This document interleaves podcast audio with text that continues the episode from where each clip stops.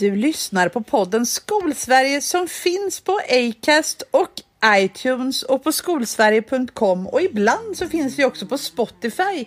Eh, men det är bara när eh, vädret är glatt på något sätt. Och vad ska vi lyssna, vad pratar vi om idag Jakob? Ja, det är en bra fråga.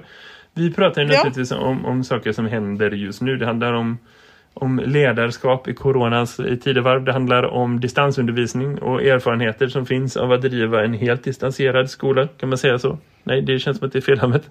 Det är också en skola som är halvt på distans när man driver parallell undervisning. Det handlar om förutsättningar att göra bra jobb. Och den här grejen som finns i vårt samhälle och i våra skolsystem att liksom lärare förväntas lösa allt. Att det är ju problematiskt i alla lägen. Men det är extra problematiskt just nu är det att det gör att vi inte får tid och utrymme att fokusera på det som är allra viktigast. Eh, så. Det här är Skolsverige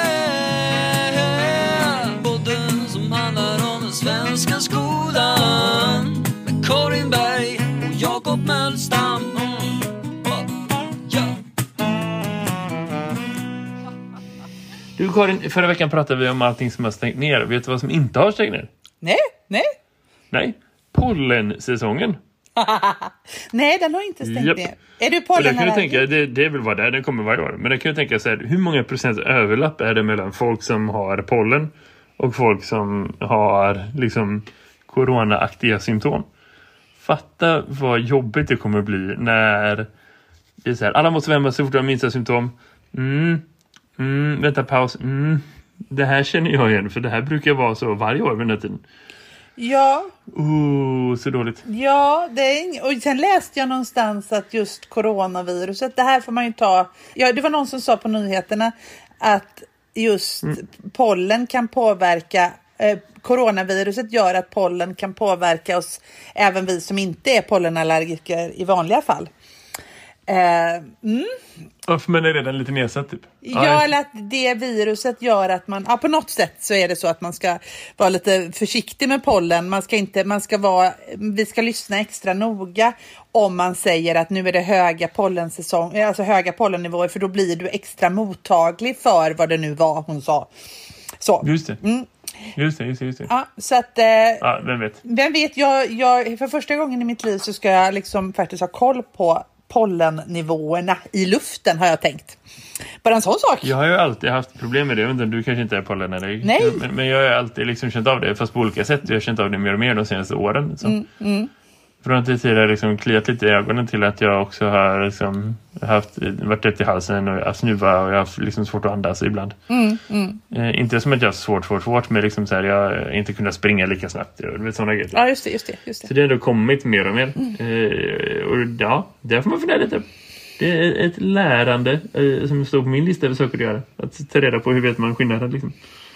Vi behöver inte prata om det för det här är inte eh, pollenpodden. Nej. Även om det borde finnas. Nej, men den kanske Men, finns. Eh, nej, det tror jag inte. Nej. Kanske, kanske inte. Nej, nej, du får Det starta borde den. finnas. Det var jättespännande om det fanns. Ja. Jag hade röstat för. Men vi har ju en annan sak vi kan prata om. Vi har ju nämligen liksom en helt liksom, eh, 47 parallella skolsystem vi skulle kunna prata om. För det är ju det den här podden handlar om i vanliga fall. Skola alltså. Ja, just det. Precis. Skolan alltså. Precis. Och det är ju lite annorlunda. Mm.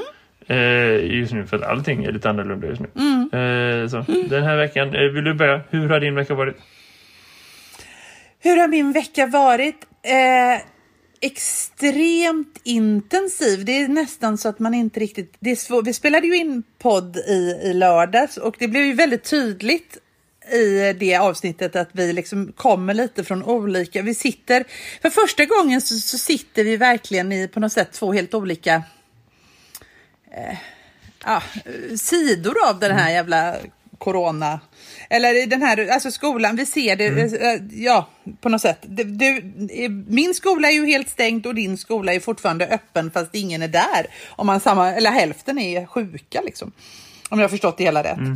Eh, Men vi, jag har ju kört en hel vecka nu med distansundervisning och det är spännande. Jag tycker själva det är väldigt spännande olika lärdomar. Min, min, min, min vecka har ju varit intensiv. Det har varit jättemycket människor att prata med, jättemycket människor jag har handlat, alltså kollegor. Det har varit jättemycket möten med skolledning, mm, mm. utbildningsutskottet. Bra grej! Utbildningsutskottet, en representant därifrån var på min skola och vi hade ett möte och gick igenom svår, äh, saker som vi skulle behöva hjälp med rent politiskt. Eh, är det riksdagens utbildningsutskott vi pratar om? Ja, faktiskt. Ja. Eh, men det var en bra grej tycker jag, för att det var ändå liksom vaket att faktiskt komma och liksom få en verklighetsrapport till det mötet som var idag tror jag, om jag eller om det var igår. Eh, utbildningsutskottet träffades. Eh, och sen har jag pratat med Skolverket, så det är liksom sådana här externa kontakter som jag har haft den här veckan. Men samtidigt så har jag haft mina lektioner och det är en spännande sak som händer som vi har liksom pratat jättemycket om den här veckan. Att helt plötsligt så kommer elever i tid. För, hur? Elever som inte gjorde det förut också? Ja, alltså elever kommer i tid. De, så, eh, och elever som liksom hade en tendens att skolka har helt plötsligt dykt upp. Eh, elever ser till att vara betydligt mer aktiva. Uppgifter som jag har gjort analogt för eh, mm. får jag in mm. nu betydligt mer kvalitativa svar. Eh, på. Spännande. Jättespännande. Och, och det här att vi har infört det som vi kallar exit ticket. Alltså att de mm. måste för att checka ut och, och för att det har ju satt sig stenhårt på mina elever att de måste göra sin exit ticket för att få mm. få sin, eh, sin närvaro. Och det är ju det viktigaste som finns för en gymnasieelev, för det är förknippat till deras pengar. Eh, men men eh, när de gör den så reflekterar de ju över vad de har lärt sig under, under lektionen och sådär. Och det är så mm, fruktansvärt mm. intressant att läsa för man ser jag får en överblick, vilka, jag får en, alltså en ögonblicksbild där jag ser direkt vad, de, vad som har funkat på lektionen, vilken lektion som har varit alldeles för mycket arbetsmaterial, vilken lektion som har varit lagom, vilken lektion där de, som de tyckte var kul. Alltså sån feedback som, jag förstår inte varför jag inte gör det här i min vanliga undervisning, för det är ju en jättebra information för mig. Ja, verkligen. verkligen. Eh, och som eleverna tycker om också. Eh, så det är ju en sån sak som, som... Sen har vi funderat mycket på, beror detta på distansundervisningen eller beror det på att eleverna faktiskt förstår att vi är i en jävligt allvarlig situation där det gäller för dem att steppa upp? Det får vi väl... Det kan vara lite en kombination av båda två. Ja. Naturligtvis. Det kan vi fundera lite på. Jag menar, så här, allting liksom förändras ju över tid. Du säger att eleverna gillar exit Min erfarenhet av att ha jobbat med liksom sådana metoder ganska länge mm. i olika former är att de blir ju enformiga. Efter ett tag så måste man börja variera lite mer. Mm. I början är det bra att ha lite fyrkantiga ramar tror jag för alla oavsett vilken ålder. Mm. Men sen behöver man liksom spice upp det lite för att det ska bli bra. Ja. Eh, så. Och det är ju som med allting. Men, men vad roligt ändå att du känner att du redan kan dra en massa erfarenheter. Jag hoppas att du skriver ner dem så att vi kan prata ordentligt om det även efteråt. För att jag jag känner att jag eh, har mycket saker jag vill lära mig där. Om det blir så att grundskolan stängs. Men också liksom eh, saker som är värda att prata om när allt det här har lugnat sig. Liksom.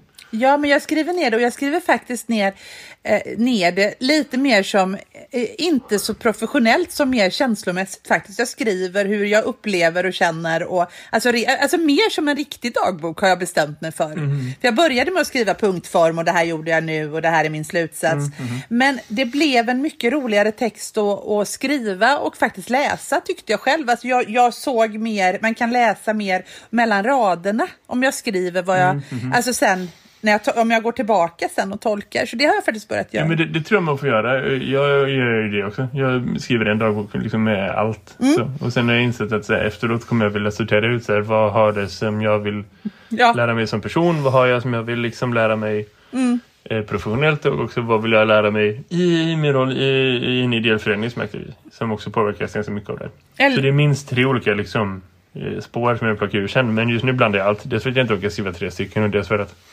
som du säger, man får bara skriva det man har. Så. Eller hur, man hinner ju inte heller. Men jag har, så jag har skrivit en, en herrans massa ord om detta. Men, eh, ja. men samtidigt så är ju, alltså jag saknar ju jättemycket eleverna och den direkta kontakten med dem. Ja, det gör jag ju. Det är nästan uh, outhärdligt höll jag på att säga. att de inte är där. Uh, och jag sa det här, en spännande iakttagelse är ju, alltså jag har två eller tre iakttagelser. Den ena är ju vad fruktansvärt jobbigt det är att sitta still. Jag är ju jättedålig på det. Det är liksom enormt dålig. Eh, jag, alltså jag kan ju nästan inte det. Det är därför jag är lärare. Alltså jag, jag sitter ju aldrig på mina arbetsdagar annars. Och nu har jag suttit still. Jag går omkring med min dator på min arbetsplats och de skrattar åt mig. Men jag blir galen av det här att jag ska sitta. Och det är väldigt svårt att skriva med en hand och gå omkring och ha sig. Men det är ju så jävla tråkigt att sitta still. Det är ju något, Ja, ja. något som, jag vet inte riktigt om jag ska överleva det här. Det är ju faktiskt den, den största utmaningen jag har just nu. Eh, men, men sen har jag... det kan jag mycket väl förstå. Ja. Men sen har jag ju liksom, min, den andra iakttagelsen är ju den här att Alltså vi har ju en tendens, eller många lärare och framförallt tror jag på gymnasiet, vi har Eh, vi har ju ganska stora kunskapskrav, det är ganska mycket analyser, det är ganska mycket liksom, och vi är i slutet av en termin och man vill hämta hem eh, eh, hämta hem, eh, vad heter sånt här nu då, bedömningsmaterial eller bedömningsunderlag liksom, underlag heter det. Eh, och då blir det lätt de här alldeles för stora uppgifterna och eh, det funkar verkligen inte för eleverna sitter i precis samma situation som vi gör. Alltså, Oj. alltså vi sitter, de sitter ju också hela dagarna framför datorn och är precis lika trötta som vi är och de har precis lika lite socialt, de, de har ju mindre socialt utbyte än vad, jag, vad vi har. För vi är ju ändå på jobbet. Så att när väl skoldagen är slut så kan de inte ha två timmars läxläsning. Det är helt orimligt i den här situationen. Och, Ja, ja visst, visst. och det tror jag inte Sveriges lärarkår har fattat. Och det tror jag är det någonting jag skulle vilja sända ut. Varning, varning, stopp på belägg. Det, det går inte att visa så här, se de här åtta filmerna, skriv 150 ord om varje film, vi ses om tre lektioner. För det är liksom för mycket och det, det blir ett projekt och det blir liksom Eh, ja, det, det, det måste liksom, vi måste kunna korta ner och tänka tid. Nu har de 65 minuter på sig här, vad hinner man rimligt då? Och sen så tänka att den snabbaste eleven ska kunna bli klar före lektionen och den, den långsamma ska hinna. Eh, det. och det är en jätte, jätteviktig grej som jag tror Ja. att, eh, för annars får de tio uppsatser att skriva, för det finns ju uppsatser de faktiskt måste skriva som gymnasiearbetet till exempel. Den Ja, ja, kommer vi ju visst, inte ifrån. Men då kan de Nej, inte nej. samtidigt skriva liksom Men vet, du vad jag tror med det där? Jag tror att det det handlar om är att man behöver liksom portionera upp det. Man behöver ge dem en annan struktur. Och så. Jag märker ju på liksom... Eh, eh, där jag jobbar så har vi ungefär hälften av våra elever som har varit hemma. Vissa dagar har varit bättre, det har varit ungefär en tredjedel eller så. Eh, som är frånvarande och nu har de, några av dem varit borta så länge att vi måste börja erbjuda liksom, bra undervisning även på distans. Så att vi har ju liksom ett parallellt skolsystem. Om man ska gå över till att jämföra med liksom, skillnaden mellan grundskolan och gymnasiet just nu så är det så att vi har eh, ett, ett skola som, som liksom är det funkar lite för båda två samtidigt. Eh, och det gör ju inte det med den personalstyrkan som vi har. Om vi ska ha liksom fullt utbyggd distansundervisning och fullt utbyggd undervisning på plats. Samtidigt gör inte det för att vi har också en massa kollegor borta.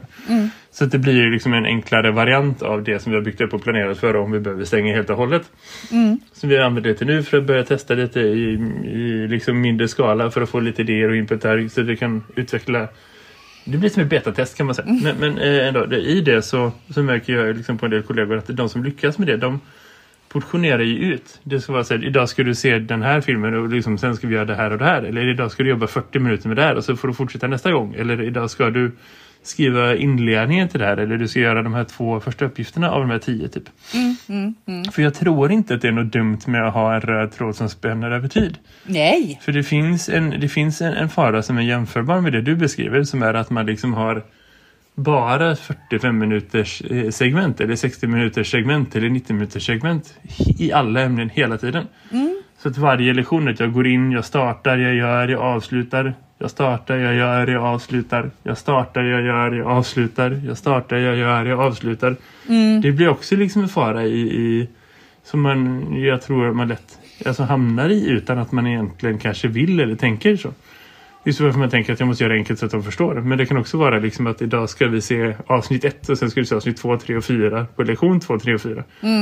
Och den femte lektionen ska du jämföra. Alltså om man ger dem det sammanhanget så vet de också liksom var, vart saker är på väg. Så. Ja men absolut och det är ju jätteklokt och det är precis så vi har haft liksom reto- retorik här nu. Det har varit det roligaste.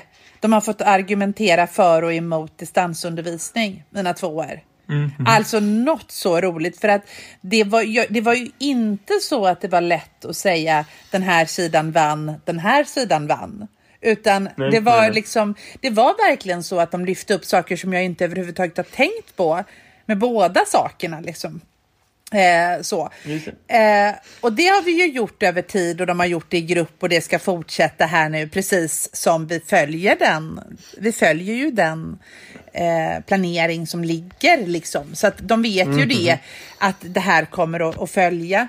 Eh, och, det- och det är ju jättefarligt att det blir ehm, att det blir precis det du säger, att det bara blir de här, eh, en uppgift som de ska hinna lösa och sådär.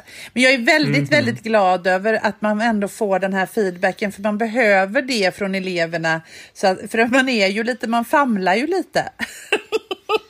Ja. Och det där tror inte jag är något dåligt. Jag tror verkligen att det är bra att lärare känner att man famlar lite. Ja. Eh, Just för att då tvingas man också tänka nytt. Man tvingas göra nya saker. Så. Mm, Och det känns som att vi har klarat det väldigt, väldigt bra. I bilen på vägen från jobbet idag så lyssnade jag på eh, den dagliga pressträffen med han eh, läkaren som jag inte kommer vad han heter. Tegnell. Ja, precis. Ja. Han, eh. Det, han i alla fall eh, lyssnade på och då eh, pratade han, han fick eh, någon pressträff var det, så det var lite frågor. Mm. Och så var det en internationell journalist som frågade om så här, ja, men kan du bara förklara vad menas med rekommendation i det här sammanhanget? Mm. Är det liksom ett tips eller är det så här, nu gör ni det här? Ja.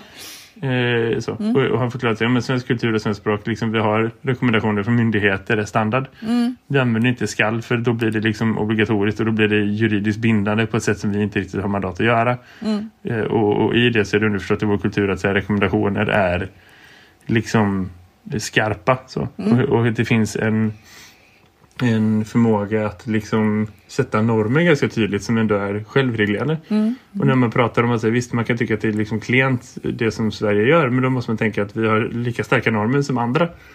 Eh, så. Alltså, folk liksom begränsar sig själv för det är så vår kultur fungerar någonstans. Man måste inte säga allting till svenskar för att de bara gör saker så.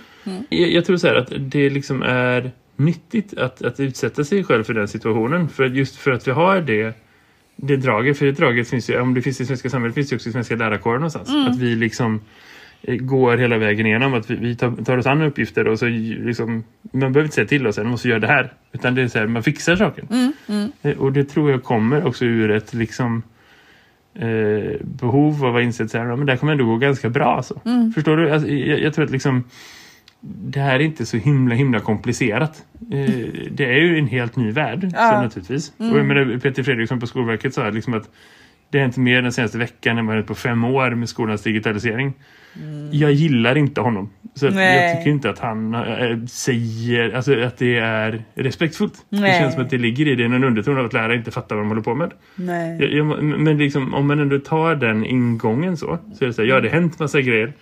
Men det här är inte så himla svårt för oss ändå. För att vi har ändå det här liksom, vet yes, vi gör det, vi ska fixa det. Men, Och då vågar man ge sig an den utmaningen, det var dit vi ville komma. Då vågar man ta sig an den utmaningen och bara tänka, vi ska, vi ska testa det här, vi ska göra det här.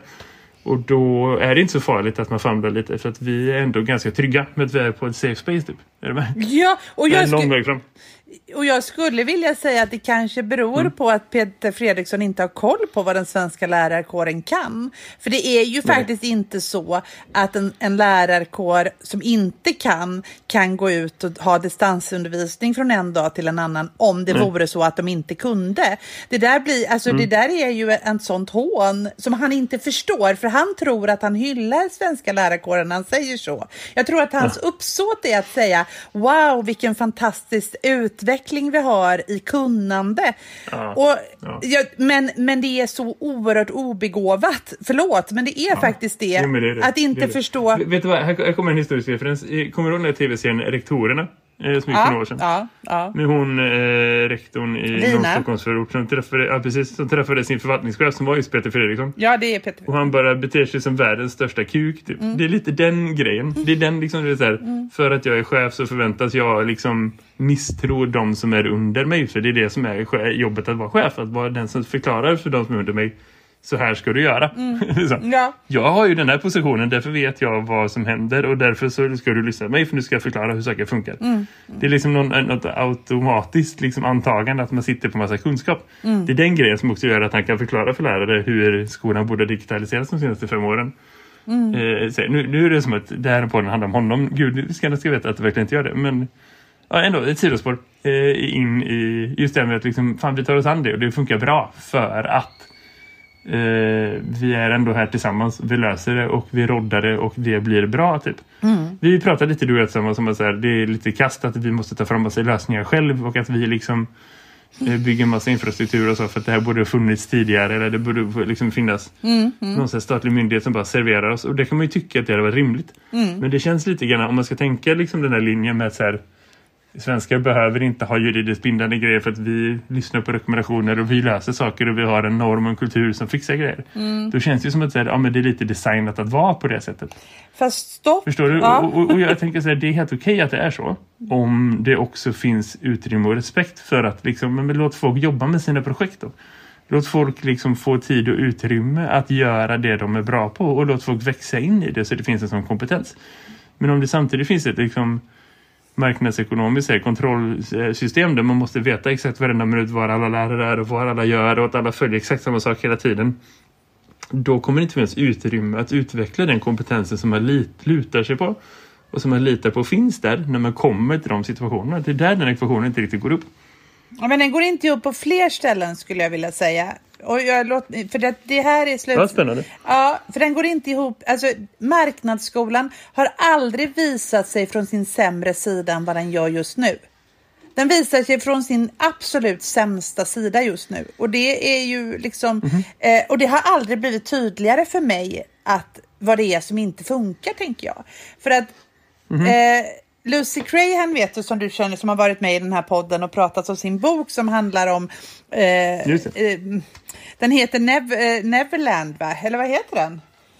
Cleverland. Cleverland heter den ju, Lands, när hon har rest runt och tittat vad är det de här framgångsrika länderna gör i, i, för att lyckas med skola. Och så när hon skrev det svenska kapitlet så fick jag läsa det innan hon skrev och jag var så förvånad och var nästan lite provocerad av hennes iakttagelse.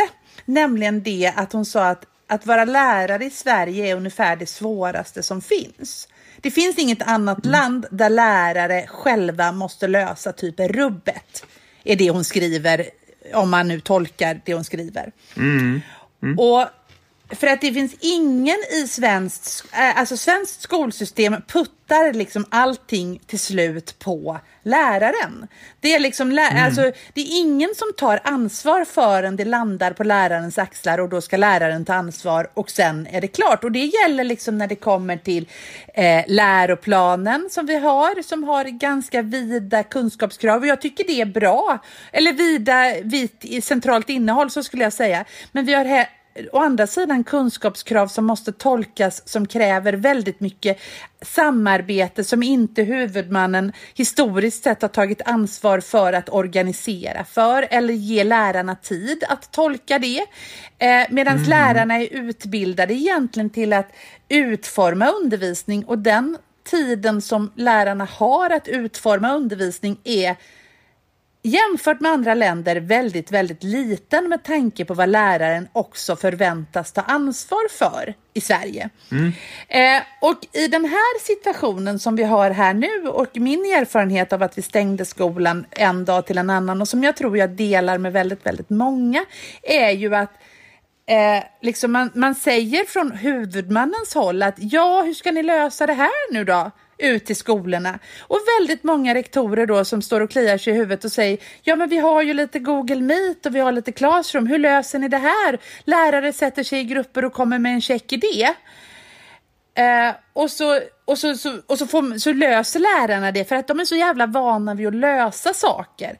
Det är ju väldigt få skolor, tror jag, utan att vi har utvärderat, som faktiskt, har- som, som faktiskt idag kan ta ansvar för och veta om eller väldigt få huvudmän ska jag säga, som kan ta ansvar för och garantera att den undervisning som de hävdar att de levererar, att de faktiskt levererar den. Jag kan göra det. Jag kan visa att vi på våran skola levererar den undervisning vi säger att vi ska leverera. Eh, jag har liksom bevis för det på något sätt. Men jag tror faktiskt väldigt få skolor kan det och om en huvudman ska kunna ta ansvar för det så behöver den också ha organiserat för att det ska vara möjligt. Och det, men eftersom det är 390 stycken eller vad, hur många huvudmän vi nu har i, i Sverige. Men hur många som helst. För 290 kommuner och asmånga andra. Ja, så, så, som- så går det ju liksom inte att, att ha koll på det. Det går inte att liksom... Eh, det, det, det är liksom utan, det, det, jag vet ju att jättemycket saker faller mellan stolarna och man står och undrar. Och det finns liksom heller inga riktlinjer. Hur ska vi lösa kemins labbrapporter? Eller Laborationer, inte lab rapporterna är väl den lättaste saken, men lab laborationer. Ja, varje skola sätter Det sig... handlar ju framförallt om, om, om väldigt, väldigt specifika delar. Alltså så kunskapskrav som handlar om att eh, han handskas med liksom, utrustning på ett säkert och ansvarsfullt sätt. Om man inte har gjort det redan innan, då sitter du lite i smöret. Om du jobbar med en skola som är stängd. Eller Och hur? själva laborationen och själva laborationsrapporten. Ja. Det kan du lika gärna observera liksom att läraren visar på håll och att du liksom går igenom processen. Och så. Du kan komma åt, säg, fyra femtedelar av liksom vad det innebär att laborera egentligen. Men att det är liksom den femtedelen som handlar om att kunna göra saker själv på ett säkert och ansvarsfullt sätt. Det är verkligen problematiskt. Det som å andra sidan finns i det faktiskt, om om man ska se till hela systemet. Och jag förstår att det är annorlunda ett kurssystem men som ändå finns någonstans i, i, i hur det funkar. Så är det så att liksom, det är inte en grej som man går igenom en gång en vecka. Utan det måste finnas varje gång du laborerar med elever, naturligtvis. Abs- Du kan inte släppa in dem i en kemisal innan du förklarat för dem att det här måste du tänka på. Jag minns när jag började gymnasiet, första dagen förklarade min kemilärare för mig du får inte äta av kemikalierna. Och vi bara, vad fan pratar du om? Är du dum i huvudet? Vem är de här andra människorna om det är någonting du känner att du måste förklara? Men det är ändå en grej som liksom säger, jo men jag förstår det. Man måste börja Ja. från noll. Liksom så. Eh, så det finns ju ändå underlag från tidigare kurser när elever har visat det. Ja. Jag förstår att det inte är så som gymnasiet fungerar i fredstid. Men om det här är krigstid så kanske det är så att så här, du visade det när du gick i tvåan. Okej, då får du samma betyg i trean. Varsågod, ha det hej.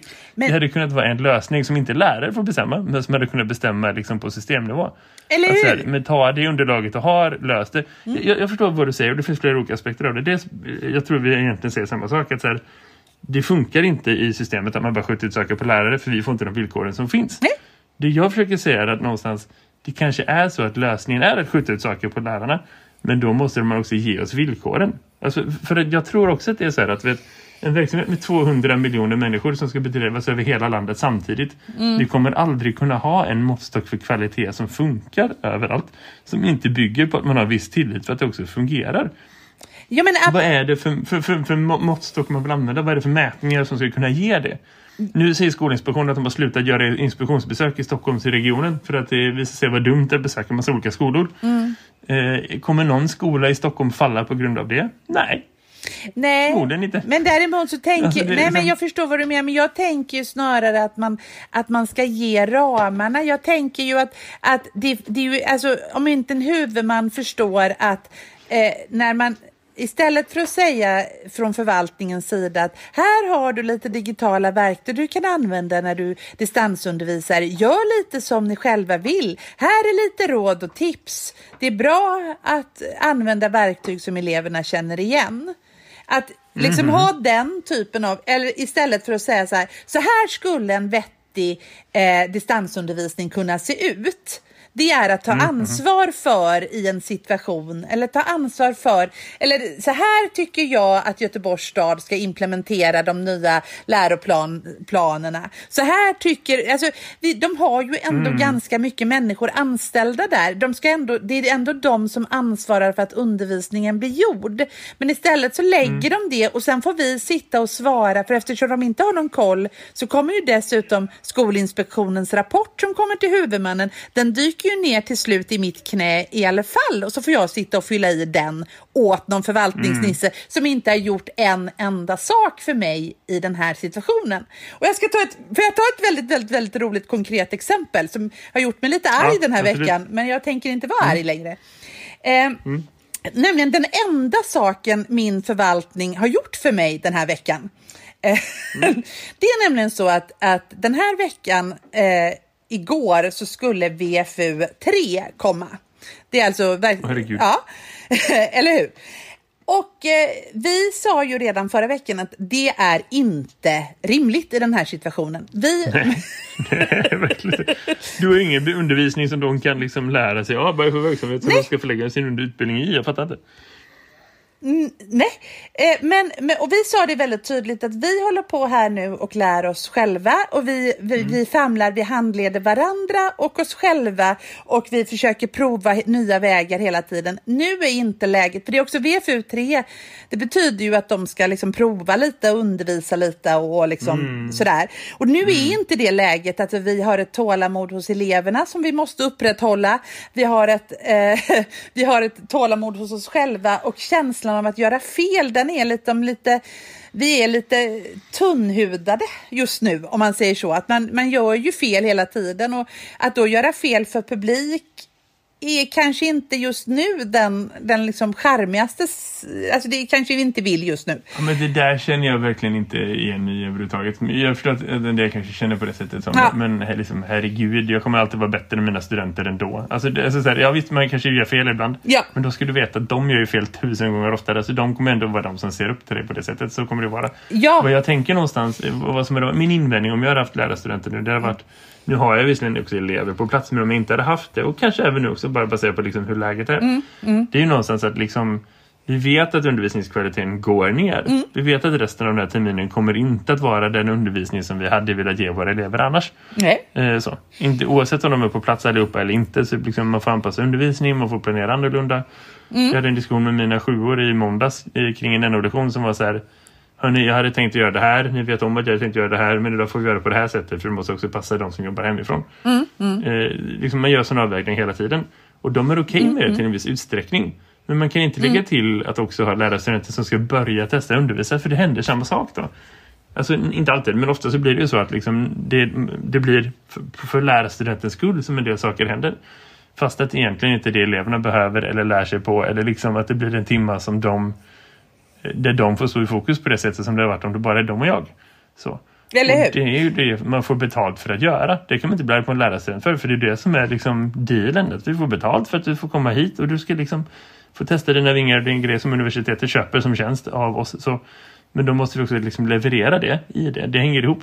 Men, men då kan man inte liksom tänka att det passar bra att göra det samtidigt som vi behöver eh, liksom anpassa oss för att världen är som den är. Eh, Vi, vi tummar redan på kvaliteten, vi kan inte tumma ännu mer. Det har varit min invändning. Mer Ja. än liksom, Jo men det är, det, absolut. för att lära studenter. För att liksom, det, det är ganska självklart att vi är inne i en värld som ingen av oss någonsin har varit i förut och som ingen har kunnat förutse. Om inte vi har svart bälte i alla delar av det här just nu. Mm. Ja, ja, men ät hästbajs din jävel om du tror att det var det som var liksom att förvänta någonstans. Nej. Har du kommit till lärarstudenter och bara säger vadå vet du inte vad Google Meet är? Det så här. Okej, men nu är det du som hämtar kaffe resten av perioden. Hämta nu, liksom är du med? Ja men absolut, och jag, det är inte så jag, utan jag menar, jag, jag håller med dig helt och fullt att det är liksom det som är den största invändningen och Mm. eh, samtidigt som det är också den största, alltså att, att ha en VFU-student, det är ju ändå så att det kräver ju någonting av mig som lärare, att jag, för jag måste ju ge dem en, en utbildning så att de kan, alltså det, det, syftet med VFU är ju att de ska få en utbildning, de studenterna, så att jag blir, förflyttar mig till en metanivå och ger feedback och hjälper och stöttar VFU-studenterna och så vidare. Eh, och det har jag inte riktigt det går inte just nu i den här situationen heller. För att jag måste lägga mitt, mitt bästa professionella jag på själva eh, eleverna, tycker ju jag då.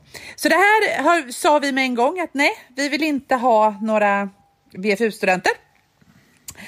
Eh, och då, men då, vet du vad vår förvaltning gör då? Nej. Nej, det enda de gör då, då tar de och förhandlar med GU, för GU blir ju galna och tyckte att men vi måste få ut våra studenter och vi måste få ut våra studenter och vi måste få ut våra studenter. Och då eh, så säger eh, våran förvaltningsledning att eh, ja, men vi har god samsyn i det här. Ni, GU förstår att det inte kan bli en vanlig VFU och vi eh, tänker att ni behöver inte leverera då en vanlig VFU säger liksom förvaltningsledningen. Varsågod, här får ni 14 studenter. Och jag bara, va? Men, Men men, jag fattar inte, vad är det de ska göra? Jag fattar, Ja, vad- men då har det undervisning GU själva- eller delta i? ja, nej, GU har då själva skrivit då en lista här. Vill du höra vad de tycker att de kan göra? Jaha, nu där. Ja, vår bedömning är ändå att en student på VFU3 bör kunna vara till väldigt god hjälp för läraren. Aha, okej. Men det är inte, de ska inte vara hjälp. Du får ju betalt för att de ska lära sig saker. Ja, men nej, det, de kan vara en god hjälp. De kan stötta elever digitalt i deras arbete. Eh, jaha, hur då? Hur? Ska de ha ett Ja. eget Meet så de får liksom Ja, oklart hur det Ja, ska gå till. Ansvara för planering och genomföra vissa digitala moment. Eh, ja, jaha, är det en Jaha. hjälp? Krävs inte det handledning för det? Spela in genomgångar som elever kan få se. Eh, ja, men i vilket sammanhang och varför? Vara en kontrollfunktion och ta närvaro. Va? Ja. Eller kontrollera så att elever producerar något. Ja, det gör... Jag förstår inte vad, Nej, men- hur de tänker att det ska gå till. Alltså, vad är det för... Jag fattar inte. De kan leda gruppdiskussioner. Var då? Någonstans. De kan eh, eventuellt fungera som IT-support eller bollklack. Nej. Har det, nej. Alltså, hade jag varit lärarstudent och man varit så här, liksom, studerat på ett lärosäte där de förstår att säga, men nu ska vi ha verksamhetsförlagd utbildning för nu ska få lära dig om hur man blir en bra praktiker. Ja. Någonting som gudarna ska veta, men inte automatiskt får bara för att lära på högskolan. Liksom så, snarare tvärtom. Mm. Eh, Så är det så här, när man väl kommer till det, de bara, nu ska du vara IT-support till en lärare. Vem är det som kvalitetssäkrar innehållet i VFU då? Det måste ju finnas någon från universitetet som har någon sorts känsla eller ansvar för att det här behöver vara bra. Det är liksom helt absurt. Karin, Det är helt absurt. ja, Jag förstår inte den grejen. Och det är också så här samtidigt att de insisterar på att liksom, de här studenterna ska ut i verksamhet. ja, Det är direkt omdömeslöst. För vad som händer samtidigt för oss som ändå har verksamhet fortfarande. Fast att man ska vara liksom ansvarsfull för smittspridning och allt vad det är. Det är I samma stad så händer det just nu att så här, vi får inte ta in externa vikarier. Särskilt inte de som har jobbat på massa olika skolor förut. nej, För att de eh, släpper runt massa basiller överallt. All eh, studiehandledning heter det så? Ja, alltså, När det kommer in någon som pratar grekiska som ska prata med dem, som, vet de, eh, är inställd tills vidare. För att de jobbar på massa olika skolor och får inte ta med sig grejer runt. För att liksom vi bara stänger ner det där. Det är bara ordinarie personal och ordinarie elever som får vara här. Det ska vara så och så just nu. Då kan vi ju inte ha massa lärarstudenter som kommer. Alltså inte till oss som har en verksamhet i alla på samma ställe. Och hur ska det funka med massa folk som går emellan? Alltså det hänger inte ihop. Men för guds skull, jag förstår att det är svårt och komplicerat att bedöma och så. Då får de väl gå om en halv termin sen då. Det, alltså vad fan är problemet? Men Då får jag- de läsa dubbelt någonstans. Det, kan, det, det är ju jätteenkelt att lösa. De får bara läsa dubbelt senare så kan de ta examen precis som vanligt ändå. Man måste ju någonstans förstå att liksom om man pausar all verksamhet, eller högskoleförlagd undervisning just nu. Mm. Bara säga vi tar det på distans, vi kan inte ha det, vi får pausa, vi får göra om. Då kan man inte förvänta sig att praktiken ska fungera som vanligt.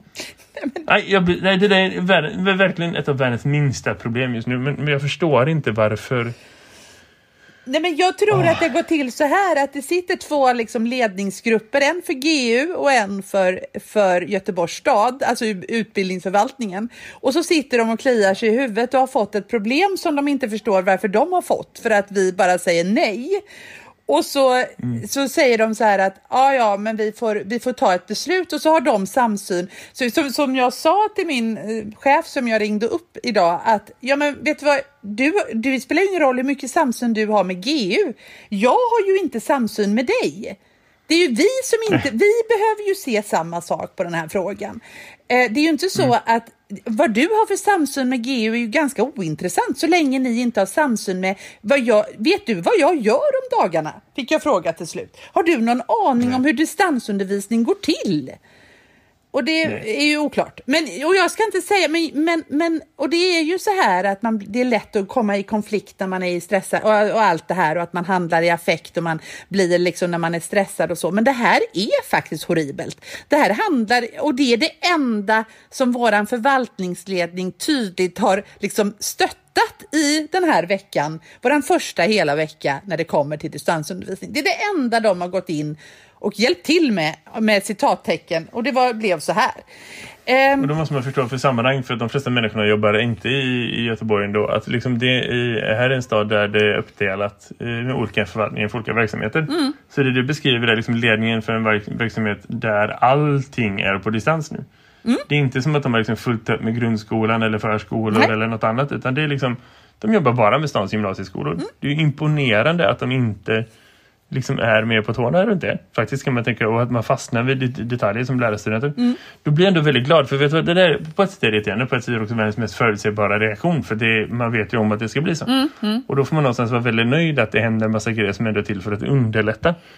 Där man liksom vet, så här, bestämmer att nu ska vi ha Eh, vi skiter i nationella proven resten av. Vet så. Men man skiter upp saker. Bara, vi får lösa det här. Vi, vi får ändra liksom eh, budgetrutiner. Vi får ändra liksom de här rutinerna. Vi får fixa det här. Vi, vi bara löser det. Nu måste vi prioritera. Att det finns många sådana beslut som fattas på andra nivåer och runt omkring också då. Då får man vara glad för den grejen i alla fall så att det finns eh, så att det bara är vissa bollar. För det hade ju ändå kunnat vara värre. Det hade kunnat vara allting annat som vanligt också. För att alla ska ha sitt. För att det är en verksamhet som är så stor att man inte kan liksom eh, räkna med att eh, det finns någon som ser en helhetsgrepp någonstans. Utan man är liksom överallt så. Eh, så. så det där tror jag verkligen är, är olika. Och, och jag, jag tänker det apropå, om vi ska ändå gå liksom vidare till ett annat ämne. ja tack. Jag tänker att det här med liksom helhetsgrepp och så, det har verkligen saknats i hur skolan har mött det här, hur vi har varit förberedda, hur, hur det har varit i samhället. Det slog mig i söndags när det var det där eh, talet av statsministern eh, som var liksom på tv. Så. Tal till För nationen. det var verkligen... Ja, ja precis. Det Var inte det också en Özz föreställning Skitsamma. Eh, Poängen är, det här var kungen som en kungen. Det var statsministern som gjorde en interpretation av Özz Nujen. Eh, Nej men eh, den, skitsamma vad den kallas. Eh, Så. Jag tänker att det var eh, tydligt hur det var liksom första gången som någon tog anspråk på att säga okej men här är planen för allihop nu. Nu gör vi så här. Det här är det som gäller för alla. Liksom så. Och jag vet inte vad du har för reaktioner där, men för mig var det en väldigt så här, När jag tänkte på det efteråt var det nästan som en sorts befrielse för då slutade jag eh, tänka en massa grejer som inte ligger på mitt bord. Utan bara så här mer, för, för det, det, det pratade jag om förra veckan. Och det är verkligen i, med en veckas distans så inser jag att det har verkligen varit så att det här med att gå runt och fundera på så här, ska vi stänga, ska vi inte stänga, vad händer, hur kommer det att bli, vad, vad kommer hända, var är vi? Det har varit en enorm press eh, kring liksom saker som delvis ligger på ens bord att veta, vara förberedd och kunna svara på frågor när elever undrar och föräldrar undrar och kunna liksom ha en professionell lösning på plats. Man kan säga att det kommer att vara så här. Se till att eleverna har alla länkar de behöver, allt material de behöver. så. Det har vi löst. Så. Men när man har det på plats ändå och tänka sig, när, måste vi använda det här? Kommer det vara ogjort? Hur kommer det bli? Vem kommer säga vad? Hur kommer det hända? Eh, Det har skapat en enorm, du vet att allt det var på stress som ligger i, i bakgrunden. Så. Eh, så vad jag bestämde mig för efter det talet, och som jag tror att liksom, jag möter på många kollegor runt omkring att det var lite samma sak. Så. Var bara så här, okej men det här är inte vårt problem. Det där är frågor som någon annan får hantera. Nu gör vi det vi gör här och nu. Det är det vi kan bidra med. Liksom så. Att, att vi får bara ta det som är precis framför oss. Vi får göra det så bra som möjligt för de eleverna som är hemma av olika orsaker. Och se till att de lär sig saker så att de inte går runt och stressar för att de ska få dåliga betyg eller för att de inte kan lära sig eller inte kommer komma i fatt eller så. Eller att de inte ska liksom gå under av att klättra på väggar. Så. Eh, vi får bara göra det bästa vi kan. För det är det vi är bra på. Så får någon annan sköta resten. Och vi får göra så bra som möjligt för de som är här. Och ta hand om det som finns. För liksom, du säger att dina elever saknar det sociala sammanhanget. Man märker supertydligt på yngre elever att liksom bara insikten att kanske förlora skolan betyder jättemycket för många. Eh, så. Eh, av olika orsaker, oavsett varifrån man kommer. Så är det en massa frågor, kommer vi stänga? Vad händer det här? Hur kommer det bli? Mm. Alltså, man, men man får liksom gräva där man står och sen så vara så här, det här, det här tar man hand om. Liksom, så. Nu gör vi det som finns allra, allra närmast. Mm. Och så får någon annan lösa resten. Och ser de till oss, nu stänger vi, då stänger vi och då gör vi det och då kommer det bli bra. Men det där är liksom framtidsproblem så. Det var min reaktion efter det talet och jag tror att det behövdes verkligen. För att det är så lätt att man fastnar i att styra upp andra människors jobb för att det är så vårt system funkar. någonstans. Eller hur?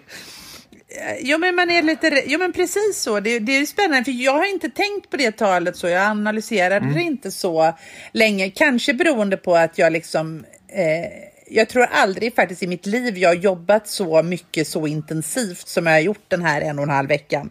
Eh, dygnet runt i princip, jobbat jämt, jämt, jämt. Och det har gjorde ju att tid för reflektion har liksom inte riktigt funnits förutom kring det jag just hållit på med. Så jag såg ju naturligtvis statsministerns tal och sen rusade jag vidare till någonting annat. Så jag har inte tänkt på det så, men det är precis, det var väldigt intressant tolkning att, att någon som tar på sig så vi kan släppa och bara fokusera på det vi ska göra. Det är ju precis så ett bra ett ledarskap ska fungera, tänker jag.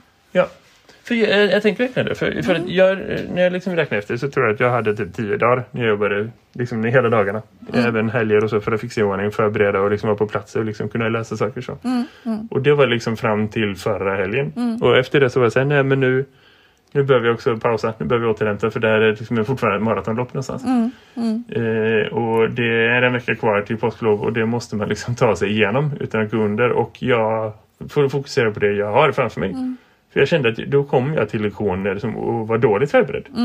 För att jag lagt min tid på annat och det var saker som jag behövde göra. Men det är på plats nu. Det är redo att börja användas och då får vi göra det mer ihop. Eh, så jag tog ett steg tillbaka och jag har inte haft massa ledig tid. Inte liksom så, men, men ändå säga bara, nej men nu, nu får det vara bra. Nu, nu gör jag det som jag vill göra istället. Så. Och jag lägger min energi på, på det som jag kan göra bra. Så. Och, och en del av det handlar om att preppa saker och förbereda saker men det, och som inte används riktigt än. Men som kanske kommer användas på sikt. Men, men då är det mer saker som jag vet att jag är bra på. Att finnas tillgänglig lite mer för mina elever. Att kunna liksom hjälpa dem och se till att de är förberedda. Se till att de har allt de behöver om vi skulle behöva stänga. Se till att liksom det finns en plan för hur vi ska distribuera skolluncher om inte vi kan ha liksom elever på plats i skolan. Det är mycket, mycket viktigare för mig än att liksom tänka över de här larviga reglerna om att de inte får ta mat själva i bamba för det är fan inte mitt problem. Även om det är klart att jag, jag funderar lite grann över varför de inte får trängas i matsalen men att vi har bambared precis utanför och det är inga problem. Eller att de liksom är på skolgården där det är så här, på den här kompisgungan där kan det fan vara tio ungar i en hög. Det är inget konstigt alls. Men, men, men, men liksom, när de ska ta sallad då, det är liksom som man hanterar liksom så radioaktivt kärnbränsle någonstans. Jag förstår inte det. Men, men det, det, är liksom, det är väl liksom tidens melodi någonstans. Men, men mitt problem är att jag vill vara där och göra det jag kan göra. Och göra det bra. Så. Det är det jag tror är liksom det jag hellre lägger min tid på. Jag hade en kollega som skickade till mig i söndagskväll strax efter det här talet. En länk till en Facebookgrupp. Som handlar om att samla in sjukvårdsmaterial och liksom Gudarna ska veta att jag inte är en människa som sitter på massa sjukvårdsmaterial. Jag är tydligen varit superdåligt förberedd på all form av prepping visade sig eh, den här senaste månaden. Men, men ändå, där har jag ändå kommit fram till att det fanns en grej som vi kunde göra som man väldigt effektivt eh, snappar upp, nämligen att eh, använda våra 3D-skrivare, vi har tre stycken på jobbet, till att börja printa såna här liksom plastgrejer, tänkte typ som ett pannband som man kan eh, knäppa på overheadplast på. Eh, Och så blir det sådana här visir som man använder i sjukvården för att minska liksom eh, så, ja, men visir, de här visiren de har helt enkelt. För att inte bli smittade av corona om de går in och jobbar med en corona. Ja, ja visst. Och inte smitta andra personer och så. Eh, och, och, och det är material som finns men som tar slut. Så, som inte alls finns så mycket som man behöver. Särskilt inte när det krisar. Så då är det ett företag som säljer material och även till det skrivare i Sverige. Som att vi löser det. Hör av er till oss bara, så fixar vi det. Eh, så alla som har en printer börjar printa de här grejerna och skickar det till oss så samordnar vi det. Vi, vi spritar av, vi plastar in ordentligt, vi fördelar det i vården. Inga problem. Eh, så. Eh, och så tittade han att vi skulle göra det. Så då sa jag ja men det är klart vi ska göra det. Eh, och så eh, på måndagen började vi engagera lite elever. Vi har sedan dess tryckt ut typ 30-40 stycken kanske. Eh, som vi hade kunnat göra många, många fler. Men vi pausade den några dagar när det var lite oklart. För att såklart kommer en statlig myndighet och bara nej. vet, apropå det du pratade om förut. Någon som bara, men de här har ju inte rätt märkningar. Det här är inte upphandlat och bla bla bla. Man bara, mm. Eller så är det bara tyst och så tar vi det här och så blir det bra. för att det är bättre än ingenting. Eh, så, men det verkar vara löst. Så nu har vi börjat eh, liksom producera det igen. Och det slog mig efter några dagar för att vi... Och så funkar det liksom så att vi, vi, det är klart vi använder det, det är klart att vi sätter igång det. Och min kollega var supertaggad för han, det blev också ett tillfälle för honom att lära sig hur det funkar och vi har liksom producerat lite ihop och så. Och då eh, så är det några elever som börjar haka på som också är intresserade och naturligtvis tar vi sig tillbaka och låter dem sköta det mer. Så de har liksom timers på sina mobiler så några går och hämtar hela tiden och de sätter igång igen och någon hittar på något system som man kan göra det på distans från mobilen så att man inte behöver gå ner varje gång och så. Det är liksom supereffektivt. Och då slog de efter ett tag att så här, vad som egentligen händer är att de får en möjlighet att liksom eh, göra det de kan närmast dem. På samma sätt som jag känner så här, nej men jag kan inte ta ansvar för allt. Nu fokuserar jag bara på det jag gör. Och så gör jag det bra, för det är det som jag gör mest effektivt. De kanske inte går runt i livet i allmänhet och har en lista på så här, det här är mina kompetenser, vad jag bidrar med till samhället. Kanske de har, eller så gör de inte det. Än. För att de försöker hitta sig själva och det är bra nog. Men liksom, någonstans kommer det ju ändå en möjlighet där de känner att här kan jag hjälpa till att skapa något. Och, och det är klart att det är superviktigt att de får känna ägandeskap för det. För, för det, man kan inte riktigt se det mitt uppe i, men någonstans tänker jag det slog mig i bilen på vägen hem efter några dagar att så här, vad som egentligen händer är att de här eleverna får liksom ett eget kapitel att skriva i historien om när de en dag ska berätta för sina barn och barnbarn. När de är gamla människor som berättar om liksom, vad de har varit med om. Så, så tänker jag att det är en grej där de också kan berätta. Inte bara att ja, skolan stängde och jag kunde inte gå på träningar och jag kunde inte göra det här och det var så här och vi fick skita och åka skidor och vi fick liksom att det här. Utan det är också en grej där de eleverna som är med där också får möjlighet att säga så här, ja men vi var med och gjorde det här. Det här var någonting som vi var med och bidrog till. Och det är någonting som är eh, dels fasligt intressant men det är också eh, eh, viktigt att få ha den historien i, i det kapitlet, i sin historia liksom någonstans. Ja, och väldigt viktigt tror jag. Alltså, du gör, alltså det är ju liksom nästan ett, ett, att, att ge unga människor det sammanhanget. Det är väl det egentligen man vill. Att, kunna känna, att de känner att de faktiskt bidrog med någonting som var viktigt på riktigt. Förstår du vad jag menar? Alltså det är ju en, eh, den berättelsen som de kan berätta nu är ju en väldigt stor liksom insikt och gåva och, och sånt som de kommer att förstå sen. Som är, alltså det, det är typ det finaste som har hänt i den här coronakrisen tycker jag. Den, den berättelsen om de här visiren. Och det är jätte, jätteviktigt att de får möjlighet att göra det. Och det kan vara på olika sätt och på olika, liksom, eh, utifrån olika erfarenheter. Men jag tänker ändå det är viktigt att, att vi ger våra elever sådana stunder. Att vi fokuserar på sådana saker. Det som finns allra närmast oss. För det är det viktigaste jobbet vi har. Faktiskt. Eh, så. Och det är det vi måste få utrymme att göra. Det måste få förutsättningar att göra. Det rundar av alltihopa i det här samtalet. Eh, Karin, är det något mer att säga här? Eller ska vi ta och pausa? Och så fortsätter vi igen om en vecka. Ja, eller så ringer jag dig när jag, nästa topplock brinner. Absolut tycker jag vi pausar. Vi behöver röra Ja. på oss. Jag tror fan jag ska springa två mil eller något. Eh, det är, Jag tror vi ska göra det så länge vi får gå ut. Eller hur? Eller så gör vi så John Guidetti läste jag. Han springer mellan väggarna. Han är ju satt i karantän, var, vilket land det nu än är. Klart som fan att han gör det. Du vet, det där har hänt honom oavsett vad. Det känns som att han inte är en människa som passar i karantän. Det, han passar... Det, det är inte jag heller uppenbarligen. Jag är uppenbarligen ganska dålig på att preppa. Det- Jag inser, vet vad, jag inser precis nu. När jag sitter, jag sitter inte i mitt kök för det brukar vara lite så mycket eko. Har jag tänkt förut när jag har spelat in hemma. Så jag sitter istället i min hall och inser att det enda som jag har preppat på. Det är böcker. Jag har hur mycket böcker som helst som jag inte har läst. Som jag du vet, "Åh, det här inte har jag läsa." läst? Nu har jag ju tid. Det är det enda jag har. Men jag jag har ju inga aldrig mat, inga toarullar, ingen gäst, ingenting. Men jag har böcker som fan.